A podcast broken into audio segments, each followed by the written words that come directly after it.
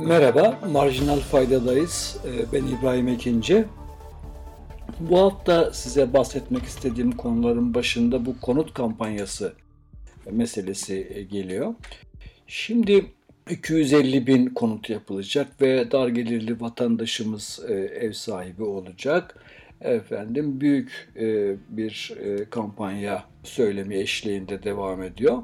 Başvurular da 1,5 milyona dayanmış. Vatandaş demek ki gerçekten evsiz ve ev sorunu yakıcı.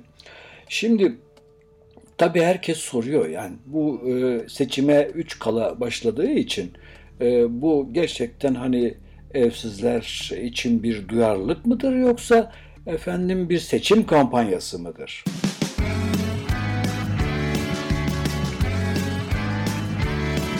Kulağınız bizde olsun. Kısa Dalga Podcast.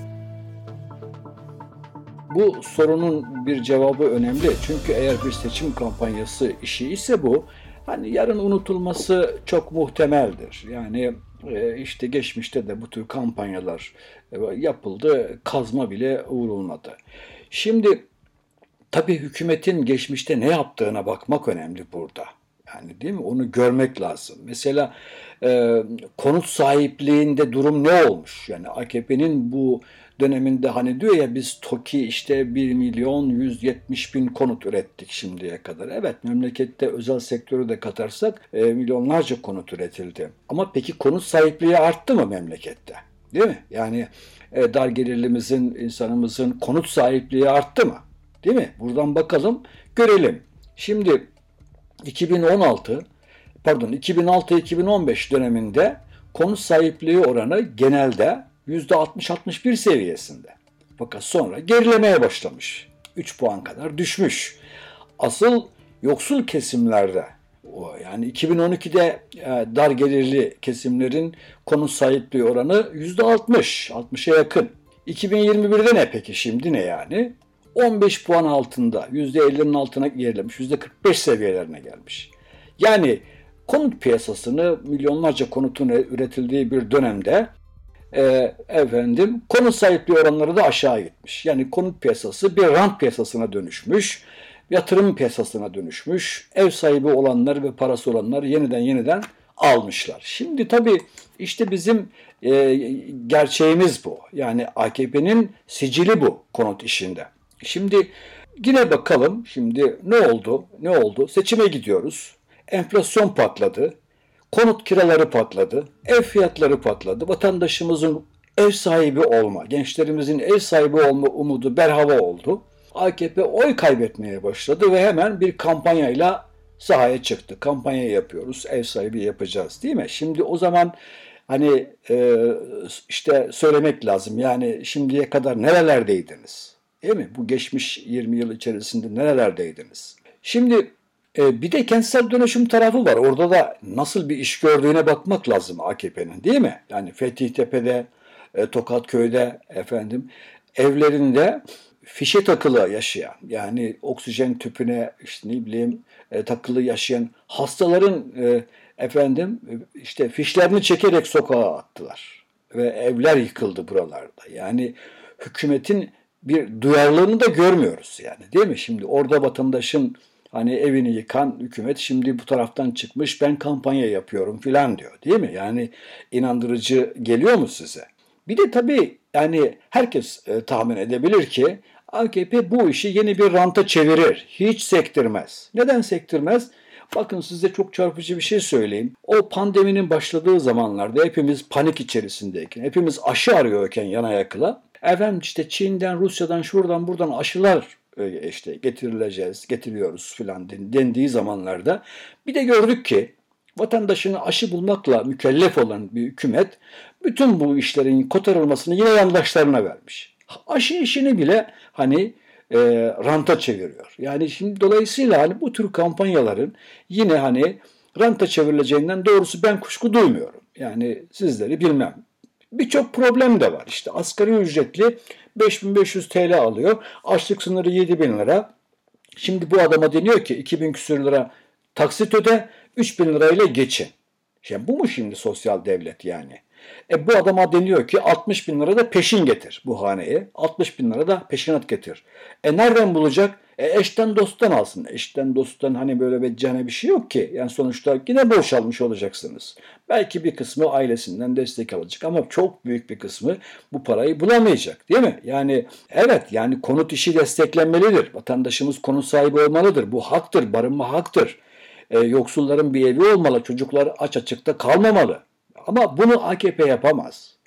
Bunu sosyal duyarlılığı yüksek hükümetler yapabilir. Yani ideoloji olarak, politika olarak, program olarak, hayattaki izi olarak hani e, halkçı hükümetler yapabilir. Yani bunu AKP'den beklememizin bir esprisi yok. Bunun yaklaşan seçimler için bir kampanya olduğu çok açık efendim. Değil mi? Yani e, şimdi bir de tabii şöyle bir durum var yani. Daha bugün öğrendim ki işte e, İstanbul dört büyük ildeki kampanyada bu ilan edilen fiyatlar %10 şey olacakmış. Efendim daha fazla olacakmış. Yani düşünebiliyor musunuz? Sürprizlere açık olun derken kastımız bu. E şimdi milletten pek de dillendirilmiyor. Şimdi taksit ödeyeceksin 2000 lira, 3000 lira filan ama bu memur maaşı zammına göre artacak. Yani 2200 olan e, taksit 2500'e, 2600'e, 2800'e çıkacak ilerleyen yıllarda. Değil mi? Ya sabit faizli bir iş değil bu vatandaşın hani bunu da bilmesi önemli. Evet birinci konu buydu.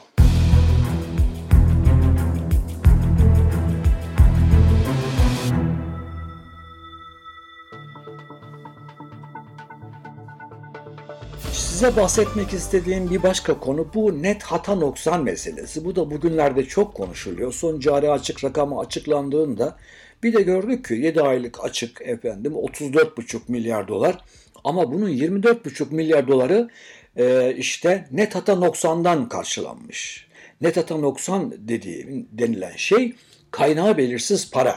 Yani şimdi bu konu bizim başımıza iş açabilir. Nereden geliyor? Cevabı yok. Değil mi? Yani bunun kaynağı nedir? Yani bu 10 yılda 10 yılda e, net hata noksan kalemine yazılan paranın toplamı 70 milyar dolar. Oysa ki hani bir dönemde e, Merkez Bankası işte cari açık tablo ödemeler dengesi tablosunu yaparken ne yapar? Hani bu girmiş e, yurt dışından gelen parayı nereden gelmiş, hangi amaçla gelmiş, kim getirmiş onları bilir, bulur ve kalemleri ne yazar? Şimdi burada böyle bir durum yok. Net hata noksan. Ya şimdi bu bunun hani izleyen ay bir sonraki ay hiç olmazsa bu kaynağı belirsiz paranın kaynağının belirlenmesi ve e, uygun kalemlere yazılması gerekiyor. Şimdi yazılamıyor çünkü nereden geldiği bilinmiyor. Ya da belki biliniyor da yazılmak istenmiyor değil mi? Yani 24,5 milyar dolar para az bir para mı? Hani burada 200 milyon dolar olsa 100 milyon dolar olsa anlayacağız. Yani tamam ama yani böyle değil. Çok büyük para. Şimdi tabii tartışılıyor. Yani bu oligark parası mıdır? Rusların Rus oligarkların parası mıdır? Yurt dışında park edilmiş kayıt dışı para mıdır? E mesela bazı görüşlere göre bu AKP'lilerin parası. Onlara hükümet diyor ki işte dolarımız yok getirin filan diyor. Yani bunu ben dinledim televizyonlarda mesela bu tür yorumları. E başka şeyler de söylenebilir. Ama sizin bu söylentileri önlemek için yapmanız gereken şey bu paranın kaynağını göstermek değil mi?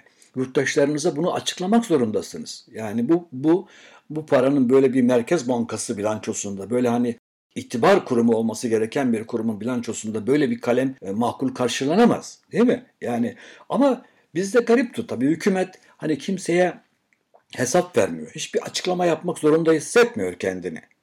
Hissetmiyor.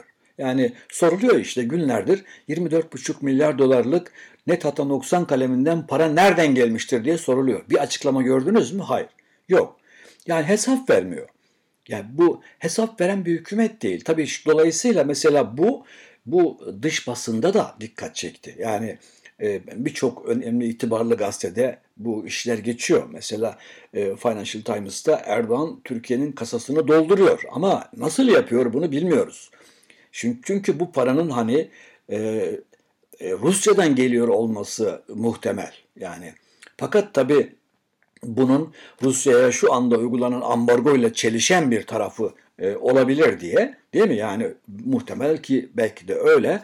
O yüzden hani o kaynak açıkça yazılamıyor. Yani E, böyleyse bu sefer Türkiye'nin Batı ile papaz olma ihtimali ortaya çıkıyor. Şimdi bizim ekonomik olarak çok büyük sıkıntılar içerisindeyken değil mi? Yani bu sefer de e, Rusya ambargosunun delmekle ilgili bir ithamla, bir yaptırımla karşılaşmamız e, yani bu iyi bir şey mi olur? Yani dolayısıyla bu işlerin tabii meşru zeminlerde görülmesi lazım paradır, gelir, doğrudan yatırıma gelir, borsalara gelir. Ama sonuç olarak bu işlerin e, açık, şeffaf olması gerekir. Gittin Katar'la swap anlaşması yaptın. Merkez Bankası'nın bilançosuna yazarsın. Katar'la swap 3 milyar dolar değil mi? Çin'le yaptın yazarsın. Mesela bunlar var. Ama bu para yok bu para nereden geliyor sorusu cevapsız. Dolayısıyla bu konular Türkiye'nin başını ağırtacaktır. Türkiye Mali Eylem Grubu izleme grubunda gri listededir. Türkiye'yi bu iş kara listeye sokar ve Türkiye'nin kara listeye girmesi e, dünyada çok büyük itibar kaybetmesine neden olur. Çok büyük sıkıntı yaşarız. Yani e, hükümet e, dolar bulayım diye hani her şeyi yapıyor. Bu tabii ki bunun bir e, bunun bir faturası, bir maliyeti olur. Size bu hafta bahsetmek istediğim bir başka konu borsa.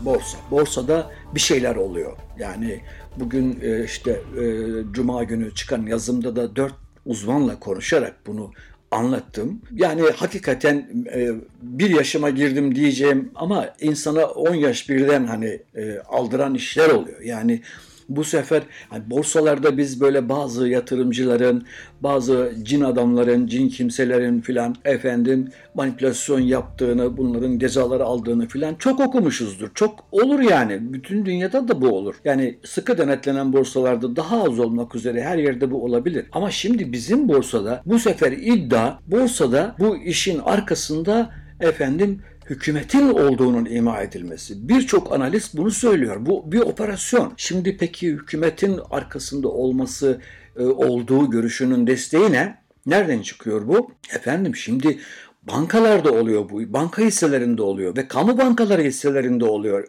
ağırlıklı olarak. Ve kamu bankaları Türkiye Varlık Fonu'nda. Şimdi bu işlemleri yapanlar da bankalara bağlı kurumlar. Yani borsanın kayıtlarında, takas defterlerinde filan bu görülüyor. Şu kurumları yapıyor, şu kurumların hisseleri yükseliyor. Şimdi e, e tabi aynı anda bir de Bakan Nebati çıkıyor. Diyor ki işte yatırımcılar borsaya gidin diyor. Borsa çok iyi kazandırıyor, kazandıracak diyor.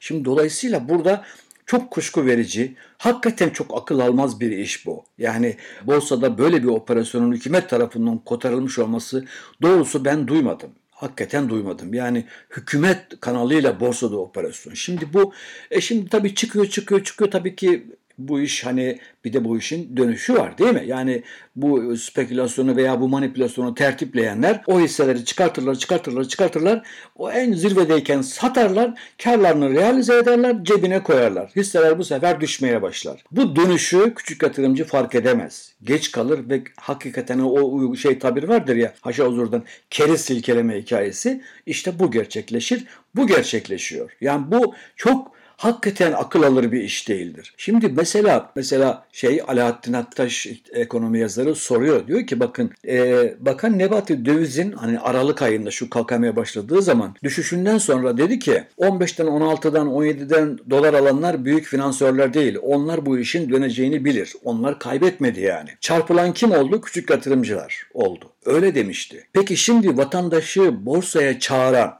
ve çarptıran kim? Değil mi? Bakın bu son operasyonda. Değil mi? Sayın Bakan herhalde açıklama yapacaktır. Yaptı mı? Yapmadı. Olacak şey midir şimdi bu? Değil mi? Olacak şey midir? Bu hükümet hükümetin bu işlerin içerisinde olması düşünülemez. Böyle bir şey olamaz. Böyle bir devlet anlayışı yok. Yani bakın benim konuştuğum uzmanlardan Evren Bolgün dedi ki hakikaten dedi tüy diktiler, mum diktiler yani. Bir hani elde hani elde neredeyse kurum kalmadı yani. itibarı sıfırlanmış, itibarı aşınmamış kurum kalmadı. Olur mu böyle şey? Şimdi bu borsa ekonominin içerisinde bir şey. Yani şirket gidiyor, halka açılıyor, kaynak buluyor, yeni yatırım yapıyor filan. Şimdi kardeşim buranın sağlıklı işlemesi çok önemli. Değil mi? E şimdi bu işleri denetleyecek SPK'ya bakıyoruz. Ortada yok. SPK'nın kendisi zaten büyük itham altında. Çok büyük iddialar var. SPK başkanı, kardeşi, başka isimlerle ilgili. işte halka açılan şirketlere izin veya sermaye artı bedelli sermaye artırmak isteyenlere izin konularını komisyona bağladıkları, büyük servet yaptıkları söyleniyor. Şimdi hakikaten bu olup biten işler akıl alır işler değildir. Bütün bunlar benim görebildiğim hakikaten bunlar suçtur. Ya bunlar soruşturma, kovuşturma, e, yargı konusu olur. Olmalıdır. Böyle şeyler olmaz. Mesela bugün yine gördüm gazeteci Meliha Okur paylaşmış. Diyor ki Bursa İstanbul'u kim salladı? Yani bu işin devletle işbirliği yapan bir başka kanadı daha var. Konuşulanlara göre bir eli altında, bir eli Rus gazında, kapalı çarşıdan hiç korkmayan, gözlerdeki ışıltıya bayılan bir aracı kurum elbette. Ben bu aracı kurumun adını biliyorum ama hani vermiyorum adını size. Bu hükümete çok yakın. Bu borsadaki pardon kapalı çarşıdaki döviz operasyonlarını yapan şirket bu aynı zamanda. Bir banka hissesinde açığa düşmüş, hesap kapatamamış bu şirket aynı zamanda. Şu anda sorun hakikaten memleketin önünde ve memleket bu meseleyi çözmek zorundadır. Bu meselenin yargıya taşınması şart. Bir de KKM yüküyle ilgili e, çünkü bütçe rakamları açıklandı e, ve bu kur korumalı mevduat denen şeyin yükü 85 milyar TL'ye ulaştı hazineye yükü. 20 milyar TL civarında da şirketlere vergi muafiyetinden gelen bir yük var. Etti 105 milyar. Bir de Merkez Bankası tarafı var biliyorsun. Yani doğrudan döviz mevduatından gelen tarafı var. Onu da eklersek Profesör Hakan Kara bir hesap yapmış 180 milyar TL. Şu ana kadar oluşmuş yükü 180 milyar TL. Şimdi size bir projeksiyon söyleyeceğim. Bakın şimdi bunlar tabii daha düşük kur seviyelerinin açılmış hesapların sonuçları. Ama kur şu anda 18.26'da. Aslında oluşmuş yani önümüzdeki günlerde ödenecek ve dolayısıyla oluşacak toplam yük 254 milyar TL. 254 milyar TL. Şimdi döviz, dolar, dolar kuru eğer 23 liraya çıkarsa bu KKM yükü de 618 milyar liraya çıkıyor. Hesap matematik. Bunu yapan uzmanlar var. Açın görün. Şimdi dolayısıyla bu yük gerçekten çok büyük bir yüke dönüşmeye doğru gidiyor. Bu kur korumalı mevduat konusunda asıl asıl problem ne biliyor musunuz? Bu bu bu 254 milyar falan da değil. 600'e çıkması falan da değil. Asıl sorun ne biliyor musunuz? Asıl sorun bu uygulama bittiğinde parasını alacak Moody'nin kur korumalı mevduattan çözülen paranın nereye gideceği. Döviz mevduatından gelip kur korumalı mevduata dönen kişiler bir daha dövize dönmek isterlerse hatta yani TL'den gelip kur korumalı mevduat yapanlar da mevduatlarını değil mi şu andaki kur korumalı mevduatta dolara endeksli. Bu aynen sürsün der de dolara dönerlerse oluşacak döviz talebini kestirebiliyor musunuz? Şu anda en büyük sorun bu kur korumalı mevduatın mevduattan bir çıkış stratejisinin olmaması.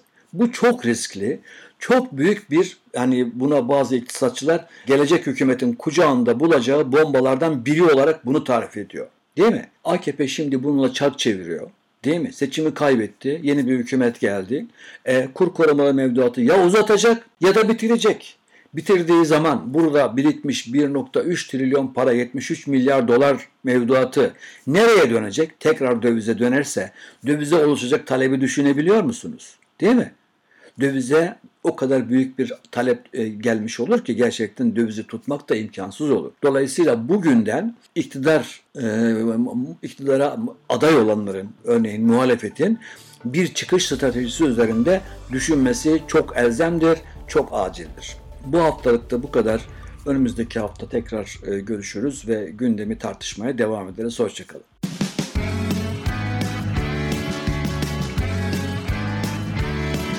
Kulağınız bizde olsun. Kısa Dalga Podcast.